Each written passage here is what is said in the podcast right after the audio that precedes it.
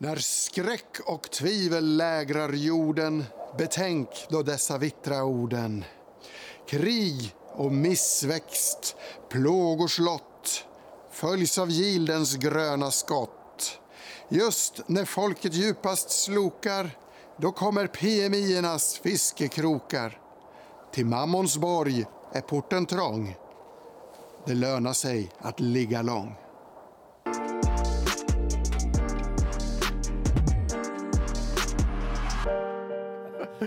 Ja, vilken juldikt, vilken inledning och vilken härlig julavslutning vi ska ha här i studion. S&P stängde på plus 0,5% igår. Ny all time high och en stängning över 3 200 för första gången. Nobina är upp 7% efter att ha släppt sin rapport. Och här i studion som sagt, så avslutar vi Börslunch med klass. Vi har med oss Rulle, Maria Landerborn och Jonas Olavi. Varmt välkomna. Tack. Vad säger ni om börsrekordet? Maria, du får lov att börja. Ja, men ett eh, kursrekord kommer ju sällan ensamt. Nu har det varit starkt på slutet. Jag tror att det drivs på av att folk är rädda att missa tåget när allting ser lite bättre ut. Eh, så att, eh, ja, stark avslutning på ett eh, lite annorlunda börsår. Tycker jag. Mm. Vad säger ni andra? Jätteroligt, skulle jag säga. Det är kul när det går upp. Och det kan säkert fortsätta ett tag till då, som det ser ut just nu. Då. Så att, heja USA. Mm. Ja, det var all time high nummer 32 i år. Så det har vi hunnit med. Vi kan prata om det säkert flera gånger efter det. Det blir nog nummer 33 också. Ja, men 32 brukar väl alltid vara bäst. Man brukar ju säga att eh, julen på Wall Street oftast är väldigt eh, vad ska man säga, rekordig. Eller då går börsen ofta starkt. Tomterally är ett slitet begrepp. Men det... Inte förra året. Då var det ju ner 4-5% på S&P 500 på juldagen. Så det hoppas vi att vi slipper i år. Men sen vänder det upp med besked. Sen vänder det upp med besked. Det är därför vi har en så stark uppgång i år. också. För att vi kom från så säga, lätta jämförelsetal för börsen mm. när vi gick in i 2019.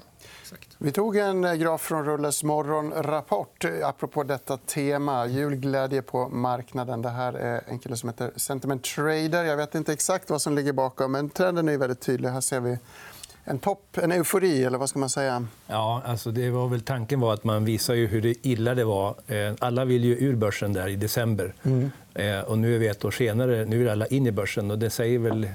det är ju... man är ju inte ensam om man liksom förra året ville sälja och inte ensam nu när alla vill köpa heller. Men gillar man att vara contrarian så ska man väl kanske göra det omvända. Mm. Ska man bli orolig över den här jag är ju optimistisk inför nästa år. Eh, sen så kan jag väl tycka att när det gått så här starkt så kanske man inte ska bara ryckas med och kasta in pengar på börsen som man inte ska ha där. Ehm, vi pratar en del rebalansering nu, apropå det här. För att ligger man med en portfölj med sig 70 aktier och 30 obligationer då har ju den aktieandelen vuxit till sig ganska rejält eh, under ett sånt här år. Och eh, magkänslan kanske säger att nu ska man köpa för att allting går så himla bra. Men det är kanske också så att vill man liksom behålla rätt risk i portföljen då ska man ju faktiskt göra det motsatta och ta hem lite av den här vinsten vi haft i år. Vad säger du som strateg? Rätt ja, men... eller missar kliver man av tåget då? Kortsiktigt så finns det lite divergenser då mellan momentumindikatorer och kursutveckling. Kurserna fortsätter upp, men momentumindikatorerna har mattats lite grann. Och det kan vara ett tecken på ett kommande omslag. Då. Och då är den här strategin helt rätt. Då. Att ta tillfället i akt nu under lugn och ro och fundera på hur mycket aktier man ska ha. Man ska försöka hålla sin strategiska allokering så gott man kan. Och det är svårt när det går bra. Då, men eh, det har ju varit en eufori i politisk eh, tappning snarare än i vinstutveckling. Och det är väl det som har präglat det här året. Då. Så att det ser inte bättre ut vinstmässigt nästa år. Tvärtom så kommer BNP mattas nästa år. Och tittar man på många av de stora börsbolagen så är det vinstnedgångar eller väldigt klen utveckling. Då. Det ska man också bära med sig. Då. Vi ska snacka lite politik strax, men först har vi dagens nyheter. Ja, spännande dynamik, va? Ja. Spännande dynamik i politik och spännande dynamik i Ericsson. Igår var kursen ner nästan 5% som mest. Jag förstod inte riktigt varför. Det snackades lite om eh, att eh, analytikermassage eh, skulle kunna vara en parameter i det här. Är det någon här som har någon spaning i frågan? Jonas? Ja, spaningen är varför bryr man sig om det här egentligen? De har inte fattat någonting om 5G. Det är bara att köpa den, lägga den i byrålådan. De kommer att hova in mycket pengar framöver. Vinstestimaten ser kanon ut framöver. Sen är det klart att de ska försöka massera inför rapporterna och, så, och liksom anpassa de mest optimistiska eller felställda analyserna. Kanske har det haft med det att göra, men det är alldeles för stor nedgång på ett sånt här framgångsrikt bolag som har framtiden framför sig. Så ja, det är köpläge när den går ner. Det blir ju lite rea. Det är lite kul. Hur gick snacket med mäklardesken, Rulle? Ja, alltså det, det har ju varit, man får inte glömma bort att det var en väldigt bra resa också. Mm. Så det ligger lite förväntningar. Eh, och sen så är det mycket fokus på vad kommer att hända med Huawei. och Kommer man att bli av med, eller man kanske till och med kan få möjlighet nu att få igång den där försäljningen för deras del i Europa eller i, i USA. Och de är lite mer aggressiva nu, får man väl säga, eh, Kina. De hotar ju om både det ena och det andra. I Tyskland och var man ute och hotade häromdagen. Så att, det är väl, jag håller helt med där eh, att det finns en stor framtid för 5G. Det är ju ingenting att snacka om det. och Det kommer att hålla i sig länge. Så att, det är nog eh, bra läge att fylla på om det går ner. Mm, budet på Opus då? De höjde budet idag, men bolaget gick också ut och vinstvarnade samma dag. Unikt, va? Ja. ja, vad ska man säga? Det är väl inte, vinstvarning är inte unikt. Eh, utan det är väl mer eh, att det är ju så att vd är med i det utköpsbolaget här. Och det är naturligtvis lite komplicerat om man kanske då höjer budet samtidigt som man vinstvarnar. Så det är väl, eh, ja, vad ska man säga, det, det, fortsättning följer skulle jag väl kanske mest säga på det där. Mm. Jag tolkar det som att de själva, Searchlight heter riskkapitalisten bakom, de säger att vinstvarningen understryker deras case att det här bolaget passar bättre utanför börsen. Att de vinstvarnar stärker bara tesen. Så vi får se ja. hur det går. På sätt och vis är det smart. För att eh, om de vinstvarnar så höjer man budet. Se så dåligt det går. Ja. Nu får man lite extra här. Så, okej, okay, vi accepterar. Från eh, bil till buss. Då, är det någon som har nåt om Nobina? Eller så går vi till verkstaden direkt. Eller politi politiken. Först politik, sen blir det verkstad. Ja. Först politik. Eh, från buss till politik. Vi har, eh, vi har fått Brexit verkar lösa sig. Vi har en deal i USA. Allt är frid och fröjd när vi tar jul nu. Du har ett eh, politiskt riskdiagram som ja, vi kan börja med. Exakt. Eh, och här eh, mäter man ju ord som signalerar osäkerhet i en massa olika medier. Och då har vi ju sett att det där har varit på extremt höga nivåer under 2019. Och här ligger det mm, liksom handelsrelaterade oron utbrutet. Och då kan man se att det är främst den som liksom har gjort att det här har dragit iväg. Och sen så vad gäller den politiska risken, så ja, alltså risken för en hård brexit i närtid den må ju vara avvärjd. Eh, men sen så ska man ju börja med alla de här förhandlingarna om hur handelsavtalen ska se ut med USA, med EU och så vidare. Och det där kommer inte vara någon lätt process. Dessutom säger Boris Johnson att han vill ha det där klart eh, så att man lämnar i början på 2021. Eh, och det är ju ganska kort tid för ett handelsavtal mm. eh, eller för att förhandla fram den typen av avtal som brukar ta liksom, åratal att lyckas med. Så att det där kan säkert komma tillbaka. tror jag. Mm. Sen så har ju faktiskt inte varken Donald Trump eller Xi Jinping signat på någonting och det finns inte nedtecknat vad det här handelsavtalet innebär.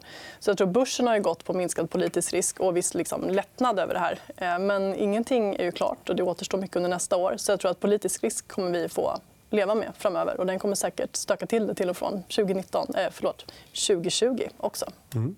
Fas 1-avtalet är ju lite grann som Jesus. Då. Det är många som har hört talas om honom, men det är ingen som har sett honom. vi får väl se vad de kommer fram till här efter ja, Vi har ju trott att det ska skrivas på inom ett par dagar flera gånger tidigare och det har ju inte skett. Så att, eh, se om det föds nåt där på julafton. Snabbt ändå. Just det, ett mirakel. Mm, exakt. Äntligen tog jag vidare till verkstaden. Ja, det tycker jag. Rulle, du är med en spaning från eh, den heta svenska verkstad. Vad är det vi ser i eh, den här grafen? Alltså det, ja, här ser man ju svensk verkstad eh, och sen är den då korrelerad eller jämförd med eh, amerikanska industrials och europeiska motsvarigheter. Och som man ser där så har de ju en tendens att följa varandra över tid. Det är ju egentligen amerikanska bolag förmodligen som sätter trenden. Eh, och sen följer de andra med. Men nu här på slutet så har ju verkligen svensk verkstad rusat. Får man säga. Och det är väl en kombination av att Atlas, Atlas Copco har gått jättestarkt, som är ett fantastiskt bolag. Och det finns ju med väldigt många bra svenska bolag. Men ibland måste man också titta på aktien. Eh, och I det här fallet har de svenska verkstadsbolagen gått iväg väldigt snabbt. Får man säga. Och, eh, nu har man ju dessutom, som Jonas var inne på, kanske eh, planar eh, vinstrevideringarna ut nästa år. och Dessutom får vi en, en starkare krona. Så det känns lite grann som att man har verkligen tecknat in väldigt mycket redan i de här kurserna. Och just det där visar ju faktiskt det ganska tydligt. Så avvakta lite med svensk verkstad då? Ja, det, skulle man absolut, det tycker jag absolut man ska göra. Mm. Vad säger du om det cykliska här? Ja, det är ju egentligen naturligt därför att Sverige, Tyskland och Japan, om man tittar på industribolag, är de som drar när man får en eh, konjunkturoptimism.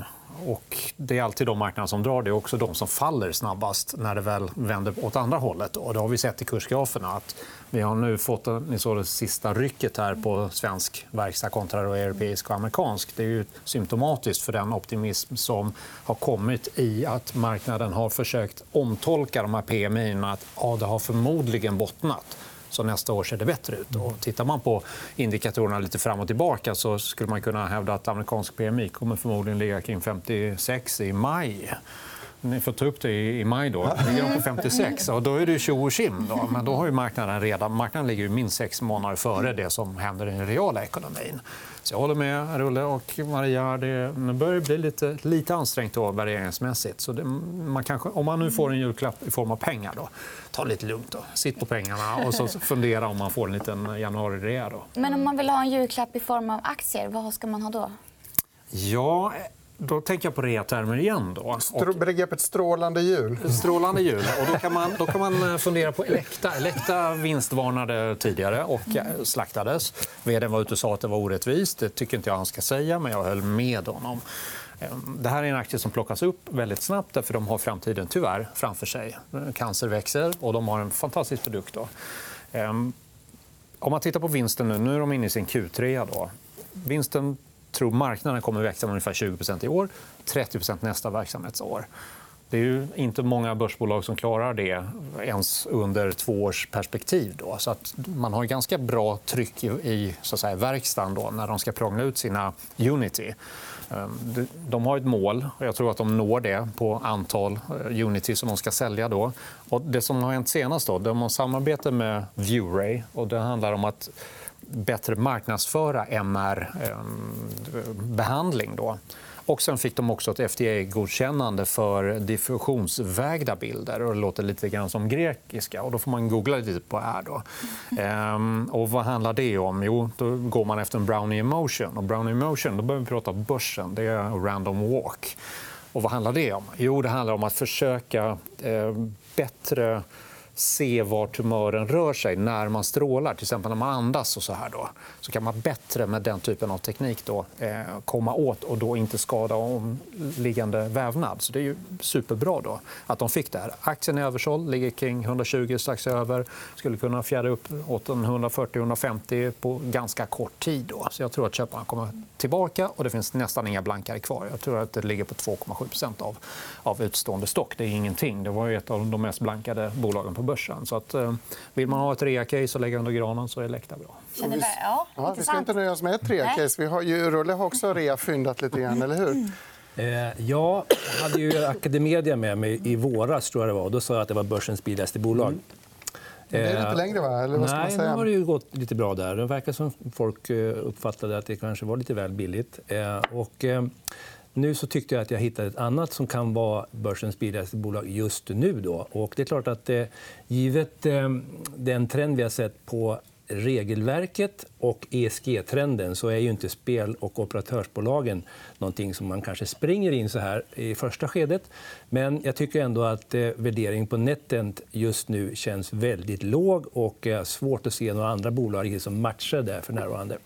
Mm. Eh, och, ehm, och de gör ju alldeles, och som man kan säga, det, där ser man ju också att det som har varit marknadens oro här under en lång period var att man inte har haft någon topline-tillväxt. Och det ska man ju vara i den sektorn som har växt snabbt genom eh, eh, de sista åren. Och nu har den ju fallit ner och är på minus. Och då slår man till och gör ett förvärv. Man köper ett engelskt bolag. Eh, och Red Tiger som har gjort det väldigt bra historiskt.